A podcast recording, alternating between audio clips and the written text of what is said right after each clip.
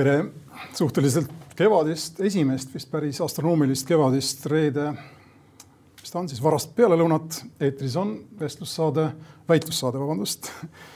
Vooglaid versus Lobjakas, tere Varro. peaasi, et mitte huumorisaade, tervist, tervist. huumor ei tule kahjuks, iseasi on see. või meelelahutussaade või mis? jah, meelelahutussaade jah, iseasi, palju me naerutada tahame, aga asju kergemalt võtta ei ole tingimata alati halb mõte, eks. igal juhul meil on teie jaoks täna paika pandud siis kaks sellist suuremat teemat. üks on korduv jäänud korduvaks saates saatesse läbivaks teemaks ja see on koroonaviirus ning ähm, kõik sellega seonduv. nüüd antud juhul me tahaksime rääkida pikemalt sellest vaktsiinivastasest või koroonavastasest või mis iganes, ähm, mis ta on siis, meeleavaldusest, mis siin aset leidis Eestis möödunud nädalavahetusel. ta on selles mõttes vana uudis, aga, aga me ilmselt, Varro, sinuga langeme nagu erinevatesse kaevikutesse siin ja võtame selle korraks ette ning teiseks räägime veidi pikemalt siis valitsuskommunikatsioonist, avalikust kommunikatsioonist, mille üks huvitavaid eripärasid nüüd, kas nüüd selle uue valitsusega või oleks ta nagunii niimoodi läinud, on Facebooki kasutamine, eriti Facebooki kasutamine siis ütleme laiemalt sotsiaalmeedia kasutamine, aga eriti Facebooki kasutamine peaministri poolt avalikkusega, avalikkusega suhtlemisel, mis asetab huvitavasse olukorda siis päris paljud instantsid ja institutsioonid alates ajakirjandusest ja ma ei tea, lõpetades siin pressibüroodega ja vahepeal muidugi jäävad, jääb avalikkuseks inimesed, kellega suheldakse. ja alustades nüüd koroonast. no ma pean tunnistama, et mina kipun langema nende inimeste sekka tugevalt, kes mõistmatusest lihtsalt pead raputasid, kui nad nägid uudiseid või pilte selle kohta, mis meil siin toimus, kui leidis aset see ma ei, ma ütlen, ma siiamaani ei tea, milleks seda kutsuda, koroonavastane on nagu absurdne öelda, eks viiruse vastu ei saa demonstratsioone pidada. koroonameetmete vastane on ka võib-olla vähe palju öeldud, sest et seal seati kahtluse alla mitte ainult meetmed, vaid ka koroona ohtlikkus kui selline ja vaktsiinide vajalikkus ja kasulikkus kui selline ja tundus nagu selline, ma ei oska öelda nüüd teadmiste vastane või viiruse, viiruse kohta käivate teadmiste vastane meeleavaldus ja mina langen siis nende inimeste sekka, kes, kes mõistmatult selle osas pead raputavad, ma ei saa aru, kust see tuleb, ma saan aru, et on olemas mingi impulss olla kriitiline ja nii edasi, aga ma arvan, et see impulss olla kriitiline valitsuse vastu, võimude vastu on meil viimase viieteistkümne aastaga nüüd lootusetult evalveerunud, kui tõesti see on näide sellest impulsist no ma arvan, et sinu tõlgendus kindlasti ei ole ainuvõimalik ja, ja ilmselt ei ole see ka tõlgendus, mis langeks kokku selle meeleavalduse korraldajate intentsioonidega, intentsioonidega siis, kui täpne olla. et äh, ei ole ju tegemist mingisuguste teadmiste vastase meeleavaldusega, vaid tegemist ikkagi, nii palju kui mina olen aru saanud, oli ilmselgelt äh, piirangute vastase meeleavaldusega ja meeleavalduse korraldajate äh, arusaamade kohaselt, veendumuste kohaselt ülemääraste piirangute vastast, vastas, vastase meeleavaldusega. ja kogu see halvustamine, mis selle meeleavalduse vastu on aset leidnud, on minu meelest olnud väga piinlik vaadata ja kohatu ka. sellepärast, et äh, õigus meelt avaldada on koos sõnavabadusega ju üks äh, demokraatliku ühiskonnakorralduse selliseid baas, baasväärtusi, baasprintsiipe ja selle õiguse kasutamist ei tohiks kergekäeliselt äh, naeruvääristada, rääkimata sellest, et hakata neid inimesi kuidagi alandama või mõnitama, nagu näiteks Õhtuleht siin tegi, et äh, minu jaoks oli väga häiriv see mm, pilt, millega nad ilmestasid oma juhtkirja kahekümne esimesel märtsil, kus siis on kujutatud neid äh, inimesi, kes autodega seda meeleavaldust tegid nagu neandertallastena või selliste ahvidena et noh, see oli selgelt selline dehumaniseeriv ja, ja inimesi mõnitav ja alandav sõnum, et ma ei näe sellisele asjale üldse kohta ja ma ei saa ka absoluutselt aru, kuidas see peaks põhjendatud olema. seda enam, et need inimesed tegelikult ju käitusid äh, ka teise poole vaatepunktist väga vastutustundlikult, et need meeleavaldused toimusid ju paljudes kohtades üle maailma samal päeval ja paljudes kohtades toimusid need täiesti tavalises sellises konventsionaalses meeleavalduse vormis, eks tundi, tuldi kuskile kokku loosungitega ja peeti kõnesid ja asju aga kui Eestis tehti, Eestis tehti nii, et igaüks sõidab oma autos, eks, teineteisega üldse kokku puutumata, rongkäigus väga leidlik eh, viis oma meelt avaldada, ilma et oleks mingilgi määral ju tekitatud mingisugust eh, viiruse leviku ohtu. nii et kui midagi, siis minu meelest oleks võinud vastupidi tunnustada ja kiita, et vaat väga-väga leidliku lahenduse leidsite eh, näidata oma meelsust üles ilma nagu siis reaalselt aitamata kaasa viiruse levikule. ma ei saa üldse aru, miks seda asja võiks niipidi vaadata põhimõtteliselt sul on õigus, seda asja võib niimoodi vaadata ja tulebki vaadata ja tuleb ka inimestel, kes on kriitilised kriitikute suhtes astuda samm tagasi ja näha ütleme suuremat pilti ja loomulikult õigus meelt avaldada ja ka valmidus meelt avaldada on midagi, mida tuleks tegelikult hinnata, mitte tingimata igas olukorras, aga printsiibina ei saa teda kindlasti hukka mõista ja ja noh, põhimõtteliselt kui me võtame ka ütleme sellise laiema euroopaliku pilgu, siis ei saa salata, et Saksamaal juhtus midagi, mis on tegelikult üsna noh, teemasse puutuv. Siin teisipäeval Saksamaa valitsus Angela Merkeli juhtimisel siis, kes oli läbirääkimisi pidanud kaksteist tundi, kui ma ei eksi, liidumaade juhtidega otsustas, et lihavõtted sisuliselt tühistatakse, eks tuleb lihavõtterahu, kus vist, kui ma ei eksi, siis ainult toidupoed võisid enda uksed avada laupäeval, kõik muud päevad on kõik kinni, inimesed välja minna ei tohi, kõik puhkused ja kõik muud on tühistatud, eks. Puhkusekorterid ja nii edasi ja üürida ei tohi, nii edasi, nii edasi, nii edasi ja päev hiljem pärast tohutut kriitikalaviini võttis Merkel selle otsuse tagasi, vabandas Saksa rahva ees, ütles, et ta palub andestust ja.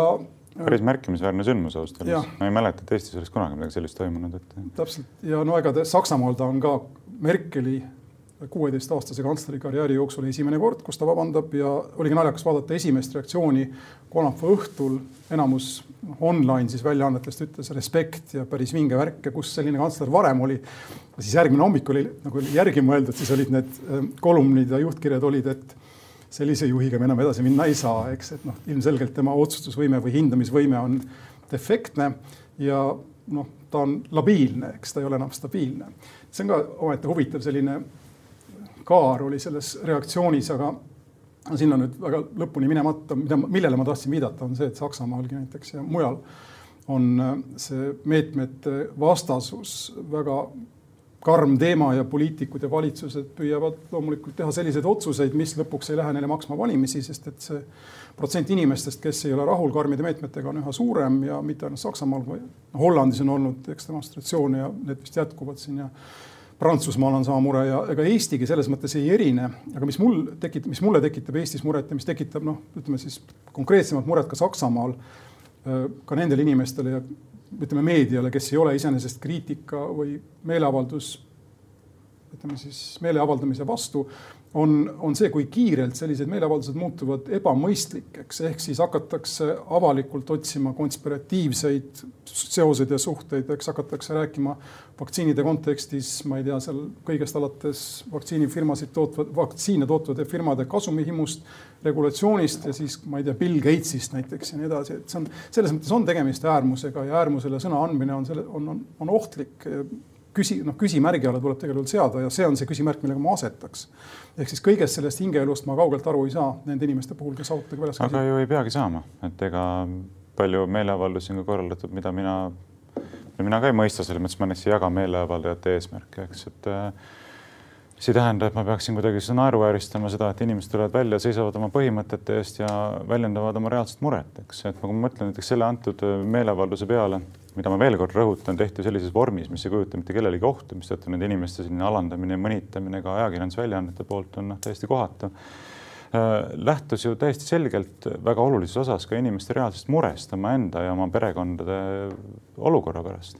et ma vaatasin ka siin näiteks, ma ei tea, kas sellest peaks pärastpoole rääkima, aga igal juhul ma vaatasin jäi silma siin Keit Pentus-Rosimannuse postitus äh, Facebookis, kus ta ütles selle kohta nõnda, et täna nägime koroonaviiruse viiendat kolonni. Täna sõitis mööda Eestit koroonaviiruse viies kolonn, milleks on julm ükskõiksus raske haiguse käes kannatajate ja tervishoiutöötajate vastu, vastutustundetus ja hoolimatus. noh, ühesõnaga selline täielik hurjutamine ja õiendamine, mis on täiesti kohatu valitsuse liikmele, sellepärast et väga paljud inimesed seal rongkäigus ilmselt olid ka sellised, kes on kas juba kaotanud oma töökoha, võib-olla on kaotamas oma töökohta, kellel ei ole sissetulekuid enam, et maksta, ma ei tea, oma kodulaenu või renti, eks, kellel ei ole võib-olla raha, et lastele süüa osta ja nii edasi. et kas nende inimeste mure siis ei ole reaalne, kas seda muret ei või väljendada? kelle ja kust võtab mingisugune valitsuse liige endale õiguse hakata seda mure väljendamist sellisel viisil mõnitama, mina, vot mina ei saa nagu sellest aru jällegi, see on mingisugune väga madala niisuguse poliitilise kultuuri ilming. Ka ma ja veel kord ma ütlen ka sellistel puhkudel, kus me tegelikult ise ei jaga neid vaateid, mida siis meeleavaldajad väljendavad, eks, aga tegelikult siin ongi ju see koht, kus peaks ütleme reaalselt, et me peame üritama mõista, et meie vaated ongi erinevad ja peaks püüdma pigem valitsuse liikme poolt nagu aru saada, et miks need inimesed on siis välja tulnud ja mis neile muret teeb. ja mõtlema, et võib-olla me ise valitsuse tasandil oleme siis midagi nagu jätnud tegemata, et inimesed, inimesed sedavõrd mures nende asjade pärast on. aga, aga veel kord, mida selle meeleavalduse kohta ütelda on minu arvates see, et äh, valitsuse poolt ka selline hurjutamine olukorras, kus ise on äh, keelatud ära igasugused meeleavaldused, avalikud kogunemised, eks, mida see asi endast nagu sellise, selles mõttes ei kujutanud. jällegi ma ütlen, nutikas viis nagu sellest keelust mööda vaadata viisil, mis ei tee kellelegi midagi hullu, halba ega sea mingit ohtu äh,. hakatakse hurjutama hoopis, eks, et kujutad ette, tegelikult praegu valitsus on ise, nagu me eelmises saates ju rääkisime, keelanud ära meeleavalduste korraldamise ja kui keegi korraldaks meeleavalduse rohkem kui kümne inimesega, siis ta võiks panna vanglasse, eks. ma ei tea, meenuta, kas kuni üheks aastaks või selle eest. Et noh, ma ütleks pigem valitsusele, te võiksite ise natukene mõtelda, et võib-olla olete siin üle pingutanud, et miks ei või avalikus ruumis teha meeleavaldusi. ma ei tea, mingi mõistliku hulga inimestega olukorras, kus me teame, et nende vabas õhus see viirus praktiliselt ei levi inimeselt inimesele. ma arvan, et see, mida sa kirjeldad, näitab seda, kuivõrd Reformierakonna tipp-poliitikud tunnevad sellises kontingendis ära enda surmavaenlase. oleme ausad, tegemist on suuresti EKRE valijatega. kui ma nüüd veidikene üldistan, eks. ma ei ole selles sugugi kindel kusjuures. no igal juhul tegemist on inimestega, kellele Reformierakond üldse ei meeldi. ma arvan väga suure protsendiga, aga mind üllatab veidikene sinu selline konsensuse taotlus antud hetkel või noh, lootus, et reformierakondlased valitsuses käituvad kuidagi teistmoodi, kui käituksid seal, ma ei tea, EKRE ministrid või üldiselt esindaksid teistsugust poliitika tegemise viisi, mida mulle tundub, et ka sina loed nagu kõige õigemaks poliitika tegemise viisiks, mis on teatud mõttes ikkagi võitlus, eks, kui sul pole korraga kõik kaalul, põhimõtted kaalul, siis ei ole mõtet ju poliitikat teha, see on lihtsalt pisikene sihuke tiksumine siit natukene, sealt natukene. poliitikal on mõte, Carl Schmittilikult rääkides äh, ainult siis, kui, kui sinu vaenlased on sinu vaenlased ja sinu sõbrad on sinu sõbrad ja kõik käib korraga kõige peale ja selles mõttes esines Keit Pentus-Rosimannus selles postituses, mida ma ise lugenud ei ole, siis sinu jutu alusel ma ütleksin täpselt samas registris nagu Martin Helme tihti ja Mart Helme ja inimesed siis teiselt poolt seda ideoloogilist jaotust, eks, kes kausuvad võitlusse, see kampfi idee, kampf-mõte on seal väga tugev sees. ja noh, mina ei kiida selles mõttes antud juhul ka, ma kindlasti ei kiida heaks seda viienda kolonni näidet, see on, see on see Venemaa kaardi väljakäimine igal võimalusel ja inimeste noh, ütleme siis tasalülitamine, kriitikute tasalülitamine äh, viisil, mida, millega tuleb võidelda ja mida ei saa pidada õigeks, aga. ma pistan siia korra vahele, kui lubad, et mind tegelikult üllatab see reaktsioon, mis on selliste avalduste peale niivõrd erinev, eks, et kui mingi Mart Helme siin on midagi ütelnud, eks siis on nagu olnud ju väga teravad reaktsioonid meedia poolt ka. nüüd me näeme, eks ole, ametis oleva valitsuse ministrit, kes tembeldab lihtsalt nagu väga olulist osa ühiskonnast, kes on mures nagu nende piirangute kehtestamise pärast viiendaks kolonniks, eks et oot-oot, vabandust, inimene, kelleks sa ennast pead, eks, et sa omaenda rahva osa suhtes nagu sellisel viisil väljendud, et et millegipärast mingit erilist kriitikat mina nagu näinud ei ole selle suhtes, erakordne ülbus ja nahaalsus. aga kas selle vaakumi ei täida meile ära äh, Objektiivi uued uudised, Tra raadio, mis siin veel on, eks, et noh, on ka oma meedia neil inimestel, Facebook jumala eest, kus on ju grupp grupi järel, kus äh, ilmub igasugust sellist totrust ja selle totruse, totruse juurde ma tahaks natukene tagasi tulla ma tahaksin nagu nüüd lihtsalt siin nagu ümbriku selja peal, nagu öeldakse inglise keeles, üritan klassifitseerida selle meeleavalduse nagu impulsideks, siis mõistliku poole peale ma asetaksin inimesed ja, ja sõnumid, mis ütlevad, eks, et majandus, ettevõtlust piiravad asjad tuleb läbi rääkida või mis iganes, nende üle on võimalik ju vaielda, eks ju, kui valitsus tõesti ei kompenseeri piisavalt näiteks erinevalt Saksamaast ja Saksamaalgi tuleb raha aeglaselt nendele firmadele, mis kinni pannakse, eks, siis on meil probleem ja selle, selle üle tuleb rääkida ja kui vaja on, siis tänavatele minna. Samm madalamale, siit on nüüd vaba aeg ja inimesed, kes ei saa käia restoranides ega ma ei tea, piljardit mängimas ja muud sarnast tegemas, eks nende inimeste probleeme me väga tõsiselt ei võtaks, sest et ilmselgelt sellistele asjadele leiduvad ju ütleme siis raskekaalulisemad vastuargumendid, ikkagi avalik tervis on suurem mure kui see, kas ma saan õhtul minna pubisse või mitte. siis me räägime nagu asjadest nagu maskid.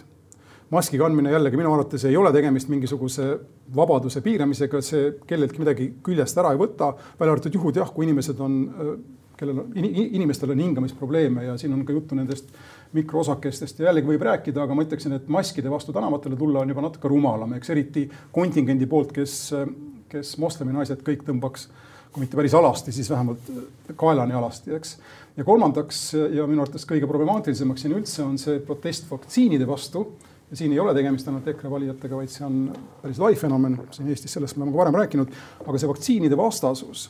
see on üks huvitav teema, ma pärast meie eelmist saadet mõtlesin veidikene sellele ja, ja mind jälle üllatab teatud mõttes, et sina oled nende inimeste leeris, kes ei ole hädaolukorras nõus midagi enne proovima, kui kõik on lõplikult selge ja noh, minu arvates ei ole ükski inimühiskond mitte kunagi kusagile jõudnud sellist, sellist strateegiat ja taktikat kasutades, sest et on olukordi, kus tuleb otsustada ja kus valikud on tihti ainult halvad, eks. ja mina näen seda olukorda täna, nagu ma varem öelnud olen, sellisena, et ühel pool on meil tervise, tervishoiusüsteem, mis noh, koroona tõttu on ohus või lausa vankumas või lausa põlvili mõnes riigis ja meilgi ta on löögi all, arvestades meie numbreid ning selle süsteemi päästmiseks ja püsti hoidmiseks valitsus, poliitikud krabavad siin erinevate lahenduste järgi. Ja üle maailma mulle tundub, on konsensus jõudnud sinnamaani ja ma ei ütle, et see on nüüd nii-öelda aadamast konsensus või igaveseks ajaks konsensus, aga et kõige lihtsam ja kõige mõistlikum ja ainukene hetkel meile nii-öelda kättesaadav viis äh, kiirelt sellest viirusest jagu saada, vähemalt korraks, on vaktsiinid. ja selles mõttes vaktsiinide vastu minemine on äh, on lihtsalt rumal ja ta toimub ka selle silmakirjaliku loosungi all, et me ei saa enne mitte midagi teha, kui me kõike teame. inimene ei tea mitte kunagi kõike ja see sellise, sellise loogikaga ta mitte kunagi ei hakkakski midagi tegema no kõike muidugi ei tea, aga on ka mingisugune mõistlikkuse standard, mida võiks nagu teada selleks, et hakata väga ulatuslikult inimeste põhiõigusi ja vabadusi piirama. see, seda ei ole ebamõistlik nõuda avalikult võimult, et kui te tahate piirata inimeste põhiõigusi ja vabadusi, siis seda ei saa teha niimoodi hästi suvaliselt, proovime seda ja proovime teist, sest kõikidel nendel proovimistel on ka väga reaalne hind, hinnalipik küljes, eks. mida me ei tea. kui lapsed ei saa käia mitu aastat juba noh, no nüüd praktiliselt nagu aasta aega põhimõtteliselt koolis, eks terve aasta on vahele jäänud koolis käimiselt, et kui äh, noorte seas ja laste seas on väga-väga ulatuslikult kasvanud igasugused psühhiaatrilised probleemid, eks, ärevushäired, muud sellised asjad, eks kui inimesed tegelikult massiliselt, väga paljud koolides ka nõutakse lastelt hingake läbi selle maski, läbi selle plastikmaski sisuliselt hommikust õhtuni, eks kui palju sa hingad sisse sealt mingeid mikroplasti osakesi, kui palju siin tekib mingeid bakteriaalseid selliseid äh, probleeme, mille tõttu sa saad muid, muid tervisehädasid külge ja nii edasi, siis, siis sa ei saa niimoodi teha. oota, sa rääkisid päris pikalt, ma räägin ka. et, et sa nagu, et sa nagu pakud suvalisi asju, eks ja siis nüüd äkki läheb pihta, aga ma tean, nii niimoodi ei saa nagu riigi valitsemine käia, et põhiõigustesse ja vabadustesse ei tohi sellisel viisil suhtuda, et ma olen sinuga nõus, et võib-olla lõpuni ei saa olla kindel nagu meetmetes, mida ei ole varem nagu sellises mastaabis proovitud, eks, aga peab olema vähemalt mingisugune veenev põhjenduslik baas, eks, faktiline baas, teaduslik baas selleks, et võiks arvata, et need meetmed on veen-, põhjendatud. ja näiteks maskidega on tüüpiline näide siiamaani ei olnud seda aasta aega tagasi, seda tõendust, ei ole seda siiamaani, et need oleks kuskil tõusnud, et tüüpiline näide on ju Leedu ja Eesti, võtame lähedalt, eks. mis on juhtunud Eestis pärast seda, kui see massilise ma maski kandmise kohustus kehtestati? viiruse leviku numbrid on massiliselt kasvanud. Leedus oli ennem seda täpselt samasugune asi ja nüüd, kui inimesed ütlevad, tulevad välja protesteerima, et kuulge, et aga miks te nõuate meilt nende maskide kandmisest, kui me näeme, et sellest ei ole mitte midagi kasu olnud, me oleme nõudnud, kandnud teil siin kolm-neli kuud maske, eks. siis öeldakse, kuulge, teie lamemaalased, olge üldse vait, eks, et ärge siin eh, näidake üles lugupidamatust arstide vastu ja nii edasi, mis on ka täiesti alusetud süüdistused, et seal ei ole lugupidamatusega meditsiinitöötajate vastu mitte mingit pistmist ja noh, vaktsiinidega ka nii, et, et ega see ei ole üldse väljaspool kahtlust, et äh, inimesed peaksid ennast laskma praegu massiliselt vaktsineerida või et, või et see on tingimata vajalik, et äh, noored inimesed, kelle suhtes see viirus statistiliselt vaadates ei kujuta endast märkimisväärset ohtu. täiesti mõistuspärane on küsida, et miks ma pean laskma ennast vaktsineerida. kus sa tõmbad noorte inimeste piiri? no ma ei tea, see on nüüd äh, hinnanguline, et siin võib tõmmata ükskõik kuhu ja vaadata allapoole. noh, eelmisel aastal näiteks suri kakssada üks inimest Eestis koroonaviiruse tõttu. nüüd võiksime küsida, noh, keegi võiks selle info välja tuua, mul ei ole käepärast seda, et kui paljud nendest olid alla neljakümne aastased näiteks. ma ei taha nüüd pikalt selle üle vaielda, ma lihtsalt torkan siia vahele selle mõtte, et äh, Lääne-Euroopas ja vist ka Eestis juba on täheldatud seda, et koroona, et haiglasse jõudvad koroonapatsient, et haiglasse jõudvate koroonapatsientide keskmine vanus langeb. Mm.. Prantsusmaal ta oli kuuskümmend viis, mõni nädal tagasi oli kuuskümmend kolm, nüüd on kuuskümmend. Ja eksperdid, teadlased siis ütlevad, et see vahe on noh, silmale suhteliselt väike vaadata, eks, aga tegelikult tähendab ta seda, et see vanem, ütleme, see varasem muster, mille kohaselt just nooremad inimesed, inimesed võisid ennast suhteliselt kindlalt tunda Briti ja Brasiilia ja Lõuna-Aafrika tüve levides on muutumas, nii et, et ka see nooruse piir kahaneb või tuleb allapoole, mis tähendab seda, et äh, surve jälle tervishoiusüsteemile vastavalt tõuseb, eks. ma ei taha nüüd väga siia süveneda no., aga ma tahan öelda, et ka kõik see muutub ja lisada ehk see, selle mõtte, et see Leedu näide sul ka noh, kui me veidikenegi laiendame seda nii-öelda populaarteaduslikku vaatepilti, mis meil siin on, eks ühel pool on sul maskide kasutamine, teisel pool on sul uute tüvede turule tulemine.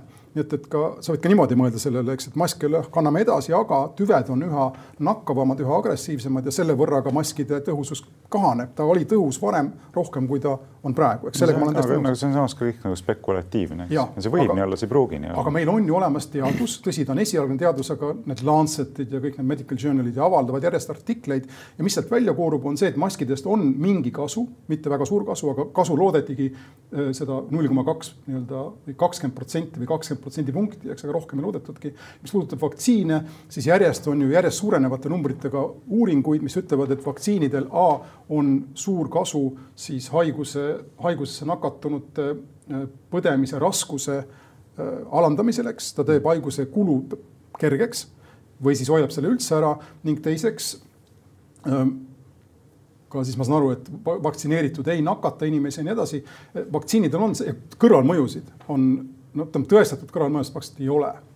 No see pole tõsi, et ei ole, on ikka, küsimus on selles, kui palju. aga sa ei rakenda enda kriteeriumi siin teistpidi, kui sa ütled, et vaktsiinide turvalisus või mis iganes pole, kui sa ütled, et vaktsiinid pole tõestatud, tõestatud, ütleme vajalikena, siis sa ütled väga lihtsalt praegu teise käega, et aga vaktsiinide turvalisus on juba, mitteturvalisus on juba tõestatud ehk siis. ma ütlen, et see on lihtsalt fakt, et on kõrvalmõjusid, et me võime rääkida, kui palju neid on, aga väide, et neid praktiliselt ei ole, ei vasta tõele. ma mõtlen tüsistusi, okei me ei räägi jah, kõik, enamus inimesi saab mingisuguse palaviku, see on selge. no igast asju on, inimesed surevad ära ka, neid on küll mitte väga palju siiani, aga pikaajalisi toimeid me ju ei tea ka, eks, et millised need saavad olema, et see alles ilmneb. aga need võivad olla igasugused, me võime hakata, ma ei tea, kõik võivad hakata karva kasvatama, see on noh. ja võivadki olla, aga, aga täiesti ratsionaalne on küsida seda, et me ei tea neid pikaajalisi toimeid, need on kiirkorras välja töötatud vaktsiinid, need pikaajalised toimed alles hakkavad ilmnema ja see ei ole ratsionaalne nõuda inimesi inimestelt, et ärge kõhelge ja laske endale kohe need süstlad sisse lüüa, eks ei, täiesti mõistuspärane, ratsionaalne on kõhelda. see on õige. ja see on riiklik propagandakampaania, ära kõhkle niimoodi, eks me oleme rääkinud sellest, näitab seda, see on vale, nii ei tohi teha inimestega. aga kui sul on sisuliselt sõjaolukord, paljudes no, riikides kirjeldatakse pandeemiat sõjaolukorda, sõjaolukorrana võimalik, me võime vaielda selle see kirjeldus on vale lihtsalt, mulle üldse ei meeldi see võrdlus. kui sul on olukord, kus noh, come on, me, keegi meist ei vaidle ju, noh, raske on vaielda tõsiasjaga, et Eestis on juba lükatud edasi väga palju korralist ravi, eks see on tõsine probleem inimeste jaoks, kellel on muud probleemid kui koroona. kui need inimesed tahavad arsti juurde saada, siis nende ainukene variant on see koroona laine kuidagi alla tuua, sellega sa ometi ju ei vaidle. see laine tulebki alla õige pea no vot seda sa lubad kindlalt, aga. ma ei luba seda kindlalt, ma prognoosin seda prognoosid seda kindlalt. sa saad aru, et ma ei saa seda kindlalt lubada, seepärast et mul ei ole see põhimõtteliselt võimalik. aga, aga... seda irooniat sa tunnetad, eks selle asemel, et vaktsiinidele rõhuda, sa pakud enda prognoosi asemele? no see on lihtsalt väga uus positsioon, nüüd me läheme, hakkame lihtsalt nagu vaktsiinidest rääkima järjekordselt, aga, aga iseenesest see positsioon, et me peaksime hakkama ennast vaktsineerima kõik massiliselt kuni lasteni välja, eks on Toivo Maimets, Tartu Ülikooli professor, rääkis sellest, et meil on ikka tõsine probleem, peame ikka sinna ka jõudma, et lapsed saaks ka kõik vaktsineeritud, eks. lastel ei ole mitte mingit probleemi sellest. seda ma ei usu, lapstel. ja, ja, ja rääkis, rääkis, ta käis siin esimeses stuudios või kus ta rääkis, et, et me peame ikka ületama selle seitsmekümne protsendi piiri, aga me ei saa seda põhimõtteliselt ületada, kui me lapsi ei hakka. kes rääkis just lastest kui inimliblikaröövikust, et kaks täiesti erinevat arengustaadiumi, mis nagu. no ta ise rääkiski sellest, aga ütles, et meil on vaja testida, eks ole, me peame jõudma sinna, et saaks hakata neid ka vaktsineerima aga ma ütlen, et see on nagu mingi täiesti uus kontseptsioon, et kõiki inimesi peab vaktsineerima. kaheksakümmend protsenti on. ohu eest, mis ei ole nende suhtes üldse mitte mingisugune reaalne oht, eks. aga okei okay,, ma tulen ühe teise teema juurde, vaata, me võime, me võime rääkida siin seni, kuni lehmad koju tulevad sellest, nagu ütlevad Indias äh, aktsentreeritud inglise keelega inimesed Äh, selliste pikkade asjade kohta, ma pikin sulle ühe asja vahele, me tegelikult võiksime kuidagi liikuda tagasi selle, selle juurde, millest me nagu alustasime, kas on põhjendatud muret väljendada selle suhtes või mitte, kas inimestel on õigus või on see ratsionaalne? ma arvan, me oleme selle tegelikult katnud, aga ma tahaksin ühe küsimuse tuua juurde, mis on natukene nurga all, aga mis puut, puutub sellesse teemasse. Sest vaata, me võime rääkida, palju me tahame siin vaktsineerimisest ja kas see on sunduslik või mitte ja nii edasi, aga elul on komme edasi minna, eks, ja ma vaatan Saksamaal selliseid huvitavaid asju nagu pilootprojektid väiksemates linnades, mitte väga väikestes, Tübingenis näiteks mm. -hmm. seati püsti üheksa kiirvaks-, kiirtestimistelki siis meditsiinitöötajate valve all äh, ja nendes testi, nendes telkides käinud inimesed siis, seal olid pikad järjekorrad, ma saan aru, saavad nüüd äh, käepaela QR koodiga millega nad saavad sisse kesklinnas siis restoranidesse ja poodidesse. nii et, et kas sulle meeldib või ei meeldi, aga vaktsiinipassid tulevad sedapidi meie ellu ja mulle tundub, et nii-öelda noh, best practice põhimõttel ehk siis teised inimesed, teised linnad, teised kohad vaatavad, et see töötab, hakatakse seda ka mujal rakendama ja sellist nii-öelda noh, tagaukse kaudu sisse tulemast, sul on praktiliselt võimatu takistada, eks ettevõtted võivad nõuda, mida tahavad. no nad ei või, vot see ongi tegelikult väga oluline arutelu koht, et siin sel nädalal ju käis ka uudis läbi, et ja nüüd ma, ma korraks seon ikkagi tagasi, seon selle uuesti ära selles, sellega, millest me alustasime arutelu, et miks inimesed tulevad välja ja väljendavad muret, eks et näiteks Olerex teatas, et nemad või, meedia vahendas seda, et Olerex on juba teavitanud oma töötajaid, et kui te ei ole nõus vaktsineerimisega, siis teid ähvardab vallandamine. aga ma räägin testimisest. nüüd on nad vist juba üritanud pehmendada seda. siin on kaks, siin on kaks Nii. nagu faasi, esimene on testimine, aga mulle tundub, et testimine avab ukse ka vaktsiinipassidele, see on minu ja, case, aga kas sul on ka testimise vastu? kontseptuaalselt me räägime samast asjast. ja, aga kas sul on ka selle vastu midagi, et inimesed testitakse ära ja siis üheks päevaks selle testi tulemusena nad saavad igale poole, kuhu tahavad? No ma ei kujutagi nüüd ette, kas siis iga päev hakkame nagu igal pool ringi käima, laseme mingit orki ninna ajada.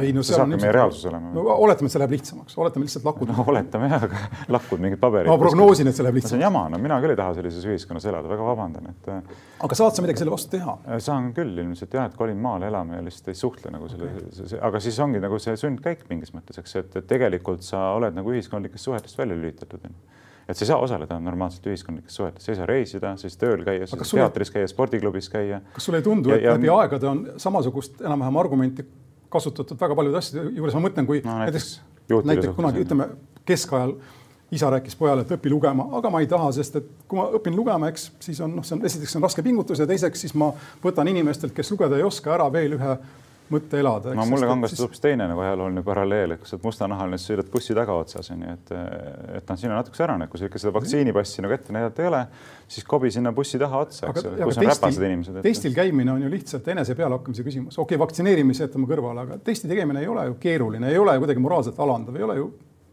midagi muud kui pealehakkamise küsimus.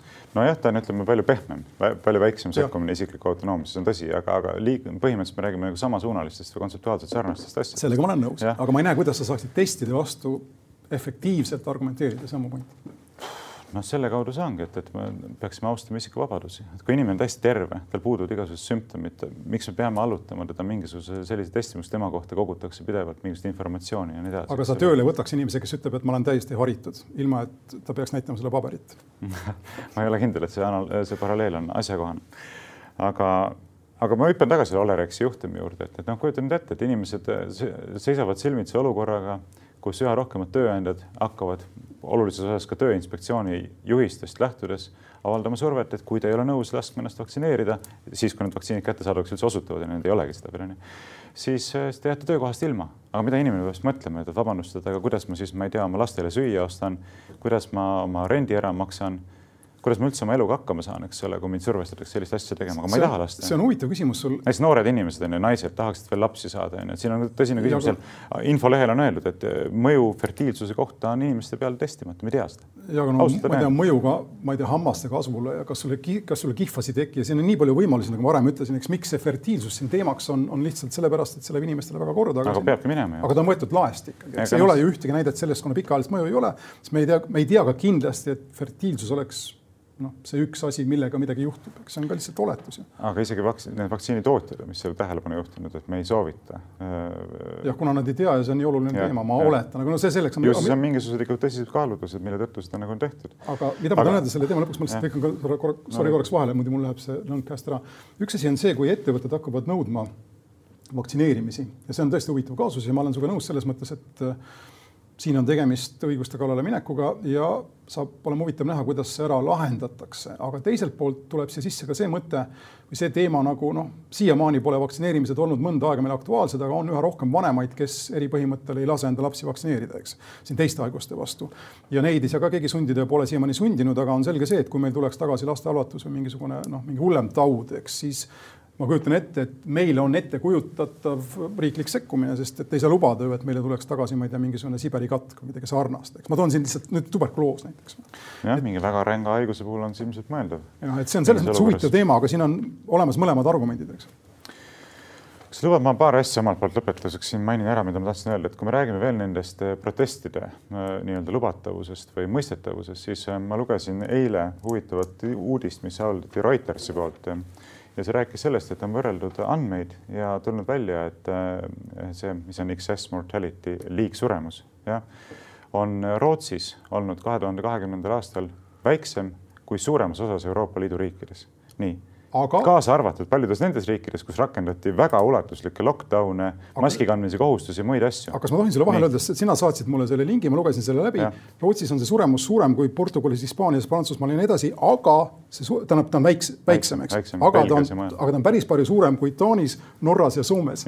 mis ütleb mulle midagi, et, et võib-olla on tegemist mingisuguse skandinaavialiku fenomeniga, näiteks kasvõi sellega, kuidas skandinaavlased omavahel suhtlevad vot, aga see tegelikult on väga oluline punkt, sellepärast et see näitab minu meelest seda, et me tegelikult ei tea, millest on tingitud ühes või teises riigis nagu erinevused. kui me vaatame näiteks Belgias rakendati nagu väga ulatuslikke lockdown'e asju ja liigsuremus on palju suurem kui Rootsis siis me, minu meelest on nagu mõistlik küsida, et järelikult on mingid muud faktorid, mida me peaksime arvesse võtma, ei ole ainult maski kandmise kohustus ja lockdown, eks. Vahele... ja, ja, ja, igati põhjendatud on küsida seda, et, et kuulge, et aga võib-olla need meetmed, mida meil siis rakendatakse, ei ole põhjendatud. aga see on selline sotsioloogiline probleem ja siin on vastuseid küsimustele, mida võib-olla ei peaks küsima, aga need vastused on tihti, puudutavad tihti neid sisserändaja kogukondi, eks. Belgias on see moslemite osakaal päris suur. Nende... Rootsis ka väike veel. jah, aga ikkagi erinev. moslemite, no ma ütlen, Brüsselis on moslemid umbes nagu Tallinnas on venelased, umbes sama suhtarv, eks. Brüssel on palju suurem linn kusjuures, aga eh, nende kogukondade omavaheline suhtlus on teistsugune, ta on lähedasem, eks need perekonnad on kompaktsemad, nad ei ole tingimata väiksemad, nad on kompaktsemad, kuuluvad rohkem kokku, naised käivad vähem väljas, nii edasi. Saksamaal on sama probleemi täheldatud piiri ületavate äh, diasporaade vahel, kes käivad Rumeenias ja Bulgaarias tagasi ja nii edasi, eks. levib see viirus tihti sedapidi. mis sa nüüd öelda tahad, et kui me ei taha, et meil tulevikus viirusega probleeme oleks, me peaksime hoolitsema, et ei oleks liigset immigratsiooni? ma just ütlesin, et siin on tegemist küsimustega, mida tegelikult ei tohiks küsida tänastes ühiskondades. tuleb hakkama saada. tähendab see, mis teeb Rootsi teistmoodi, noh ühiskonnaks Saksamaast või Belgiast, ma arvan, tänapäeval on juba küsimus, mida ma väga eriti küsida ei tahaks, vähemalt mitte tõsiselt. no veel kord, esiteks ma arvan, et kõiki küsimusi võib küsida, aga teiseks ma arvan ka Rootsi immigratsiooni perspektiivis ei ole väga erinev kui Belgia või Prantsusmaa, eks. no Rootsi on läinud väga palju üksikuid mehi, nagu sa tead, kellel vaevalt et perekondi on, eks. Äh, nii, teeme nüüd väikese vahe ja tuleme tagasi valitsuskommunikatsiooni juurde.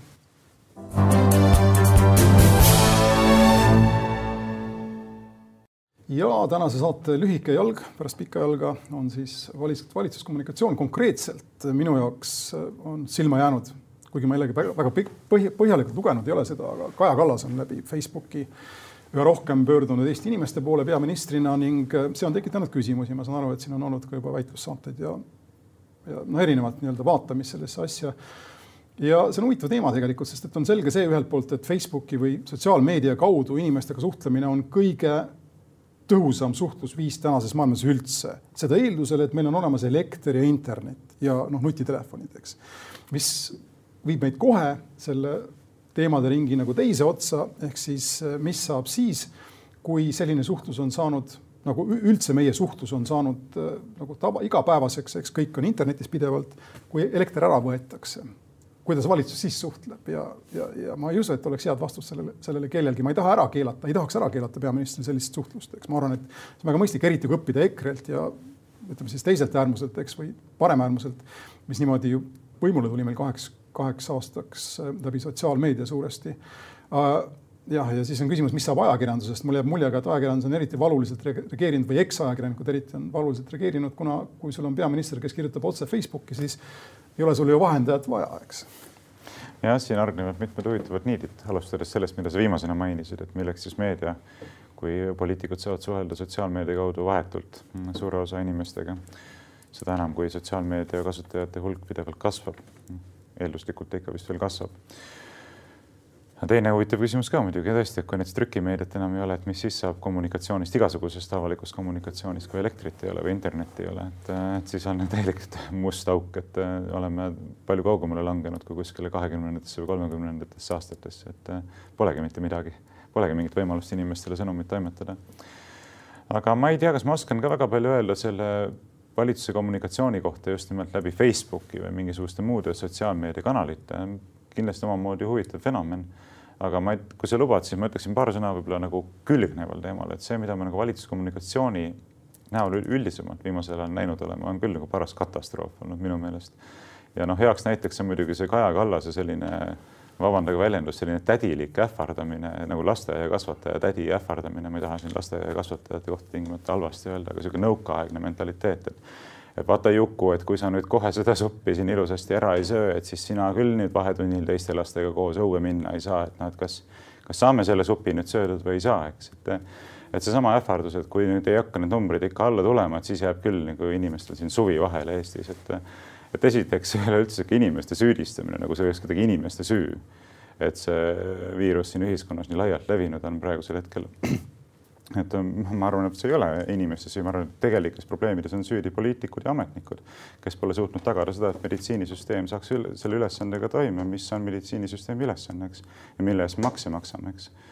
et äh, keegi, kusjuures see on ka teema, mida nagu piinlikult, kramplikult välditakse, et äh, ei taheta vaadata, et kes on süüdi selles, et meditsiinisüsteem on nii suures hädas kas äkki peaks vaatama seda, et äkki on väga õhukeseks viilitud see meditsiinisüsteem, et tegelikult ei olegi piisavat valmisolekut natukenegi suurema koormusega hakkama saamiseks, eks ja nii edasi, edasi. Ja noh, muidugi see Irja Lutsari äh, geniaalne väljaütlemine, et äh, head inimesed, et loodame, et saame selle kriisiga ikka hakkama ilma sõjaväge tänavatele toomata, et noh, ma ei, ma ei kujuta ette, mis inimese peas toimub, et sa selliste nagu selliste loosungitega lehvitad, sellepärast et sa teed ju ainult ennast naerualuseks, mingit sõjaväge ei tule, kõik teavad kas... seda. teiseks, sinu viroloogiline ekspertiis ei puutu üldse asjasse. ei, see on õige, aga ma tahan vahele küsida lihtsalt, see kohe jätka palun, aga Mart Helme, kui ta oli siseminister, kas ta ei üritanud sise, siseministeeriumisse teha midagi äh, sorry sarnast uuesti, mis meil oli siin äh, Vene aegade järel või Nõukogude aegade järel kohe mingi sisekaitseoperatiivrügement, mis vajadusel just tänavatele tuleks ja mitte sõjaväemundris, vaid siis nagu mingisuguses pool, pool mittesõjaväelises mundris. kas,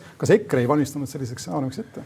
no ma kujutan ette, et selline struktuur võib isegi vajalik olla, küsimus on seda, et millises olukorras ja millistel puhkudel, eks, ja kas on kohane nagu sellise struktuuri tänavale toomisega inimesi põhimõtteliselt ähvardada niimoodi, et ja urjutada sellisel viisil, et see on küll nüüd kommunikatsiooni mõttes minu meelest nagu täielik läbikukkumine, no totaalne läbikukkumine, ähvardad suve ärajätmisega ja latentselt ähvardad sõjaväe tänavatele toomisega, et valitsus vajab väga-väga head nõu, kuidas paremini kommunikatsiooni teha. Pakun, kas Facebooki kaudu või mingit muud kaudu. ma pakun esimese asjana, et Irja Lutsarit nõustavad inimesed ütleksid, et tegemist on heidutusega, mitte ähvardamisega, hurjutamisega. nojah, heal lapsel mitu nime on aga see on, ei, see on, nagu sa ütled, see kõik on väga huvitav teema ja teatud mõttes need asjad on mitte nii lihtsad, kui nad tunduvad, kui nad on äh, nagu ümberpööratavad, eks sa räägid siin sellest, kuidas inimesi süüdistatakse, ma olen sinuga nõus, valitsus ei tohiks kunagi süüdistada rahvast, sest et siis me oleme tagasi aastast tuhat üheksasada viiskümmend kolm. ma ei mäleta, kas oli Bertolt Brecht või kes ütles äh, Ida-Saksamaal toimunud rahutuste järel, et äh, rahvas on kaotanud valitsuse usalduse, eks no see on absurdne, sinna me ei taha tagasi minna, sinna me ei taha ka edasi minna.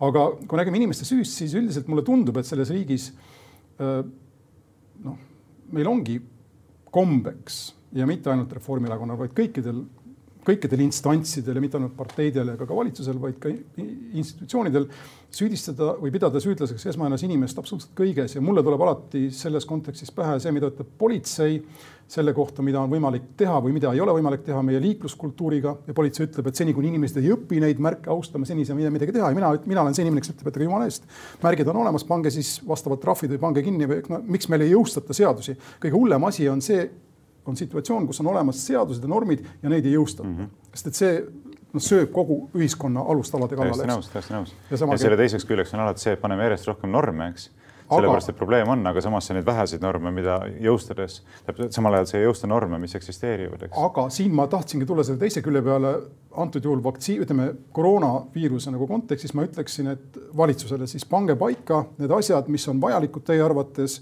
seiske nende eest, jõustage neid mm. -hmm ärge öelge, et rahvas on süüdi, kui te ei saa hakkama ja siis no ma ei tea, kas siis mingisugusel hetkel revolutsioon viib teid paigast või siis järgmised valimised te kaotate, aga vähemalt olge kindlad selles, mida te tahate ja ärge süüdistage rahvast. ma ei tea, kas me oleme siin samas posi-, samal positsioonil või mitte, aga.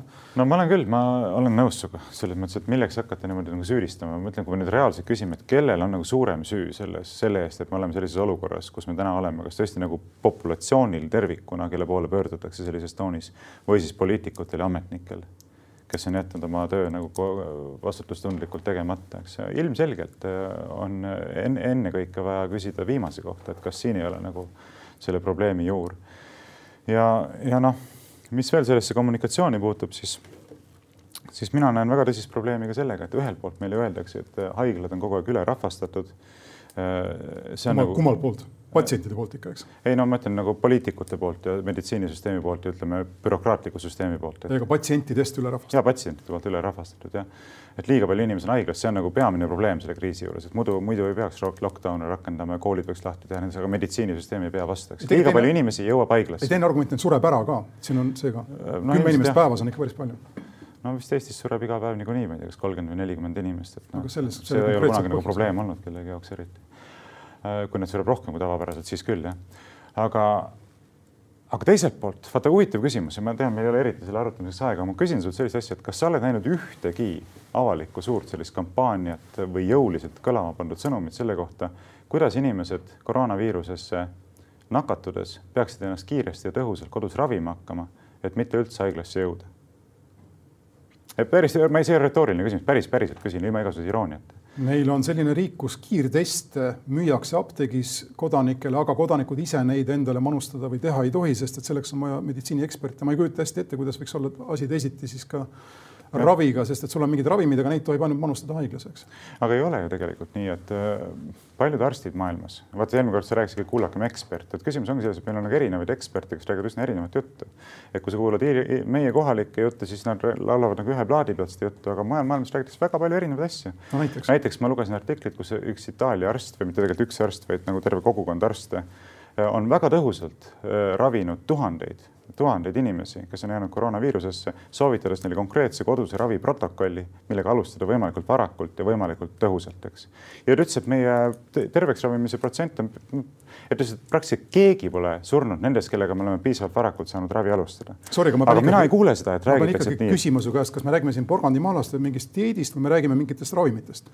no me räägime kasvõi elementaarsetest asjadest nagu noh, mina ei ole arst, eks ma ei taha siin nõu hakata andma, aga näiteks mida nüüd Itaalia arstid esiteks D-vitamiini ja tsink suurtes kogustes tuleks hakata manustama varakult, kiiresti okay pluss siis see, mis on see hüdroksüklorokviin. ma peaksin ütlema, et ärge seda kodus proovige. ja, ja ei, ma ütlen ka, mina ei ole arst, ma ei anna nõu, eks, aga mille, mis on minu meelest probleem, on see mitte see, et soovitatakse valesid asju, vaid ei soovitata üldse midagi. ma lugesin, eile just lugesin intervjuud, kus üks perearst räägib, et noh, istuge kodus ja tuulutage ikkagi tubasid ja kui palavik läheb üles, võtke paratsetamooli. aga see on ju absurd ja põhimõtteliselt oodake kas satute haiglasse või ei satu, eks. kusjuures see on huvitav teema ja ma ei taha kedagi süüdistada ega kellelegi näpuga näidata, aga üha rohkem on jälle sotsiaalmeedias, eks inimesed. mina küll tahan kusjuures. tervishoiuametnike vastutus hoolitseda selles, et inimestel oleks korrektne ravijuhis selle kohta, kuidas aga... mitte üldse haiglasse sattuda selle haigusega. meil on see problemaatika ka, eks, kui meil on see perearsti telefon ja kui palju inimesi tahab lihtsalt nii-öelda perearsti telefoni kaudu saada enda sümptomitele diagnoosi, rääkimata nendest, kes guugeldavad ennast, rääkimata nendest, kes kirjutavad alternatiivset doktoritöid, eks guugeldades siin kõikvõimalikke meditsiinilisi teemasid, ma ei, ma ei, ma ei saa, mulle tundub, et see ei ole ka lahendus, et inimesele anda võimalikult palju autonoomiat siin, eks. kui ma sinust õigesti aru saan, siis ma ikkagi võtaksin ette selle mõtte, eks, et arstid peavad siis konkreetselt andma soovitusi, mingi režiimi välja töötama ja nii edasi. ja kui selline asi on võimalik, noh, arvestades, et tegemist on ühe haigusega, see oleks muidugi tore. aga mis on, mis on huvitav, siin, siia ma tahtsin jõuda, on, on, on need äh, nii-öelda first person reportaažid või ülevaated inimestelt, kes on ise haigeks jäänud ja kes on reaalsed inimesed, eks äh, siin Facebookis ringlevad nii mõnedki ja tavaliselt on tegemist keskealiste meestega ja, ja need on päris muljetavaldavad, just need sümptomid ja see raskus ja see kõik, mis, mis siin kaasas käib.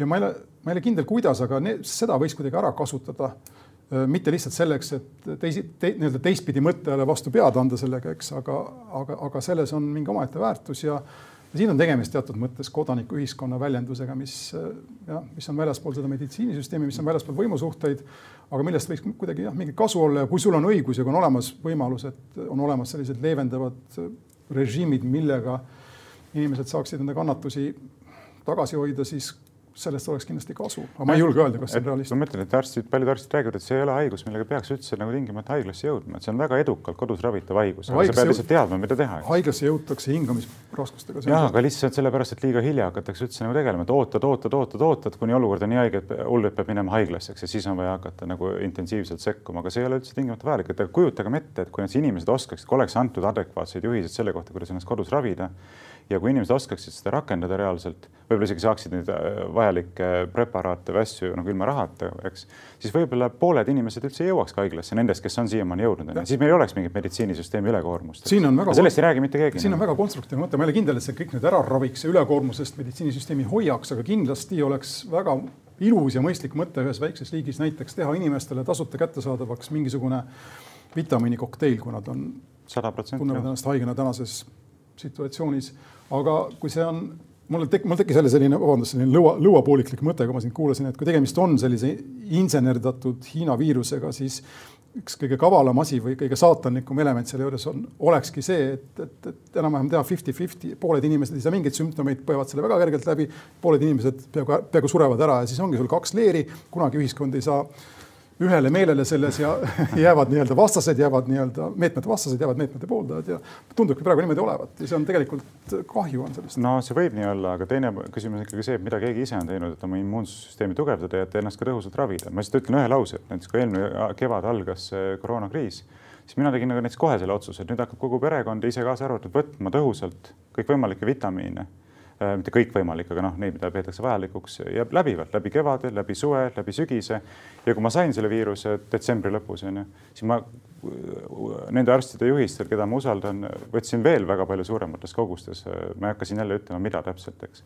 ja ma ei põdesin seda kergelt. pitsi viina ütles Kaja Kallas kunagi. ei, ei mitte midagi, mitte midagi sellist ei, nagu kummalist, aga põdesin kergelt, eks. ja nüüd tekibki küsimus, et aga noh võib-olla see on ka seotud sellega, kuidas sa nagu ennast ette valmistasid ja kuidas sa ennast ravisid, onju, mitte lihtsalt nii, et noh, sinul vedas, et sa põdesid kergelt, onju, see ei ole tingimata vedamise küsimus. see on ilmselt kombinatsioon, aga siin saate lõpetuseks, kuna ma, kuna me ei taha ilmselt kellelegi midagi soovitada ega ette kirjutada, mis võib osutuda pärast pro probleemiks, aga tagasi vaadates, nii-öelda minevikku vaadates võime öelda, mis on toimunud või toiminud, siis sul on olnud, mul pole olnud, me mõlemad käisime suusatamas enam suusatada ei saa, nii et, et kodus proovida seda ei saa, aga sellest on ilmselt kasu olnud. järelikult tuleb rohkem ja, suusatada. ja täpselt ja siit tehke omad järeldused. tehke omad järeldused.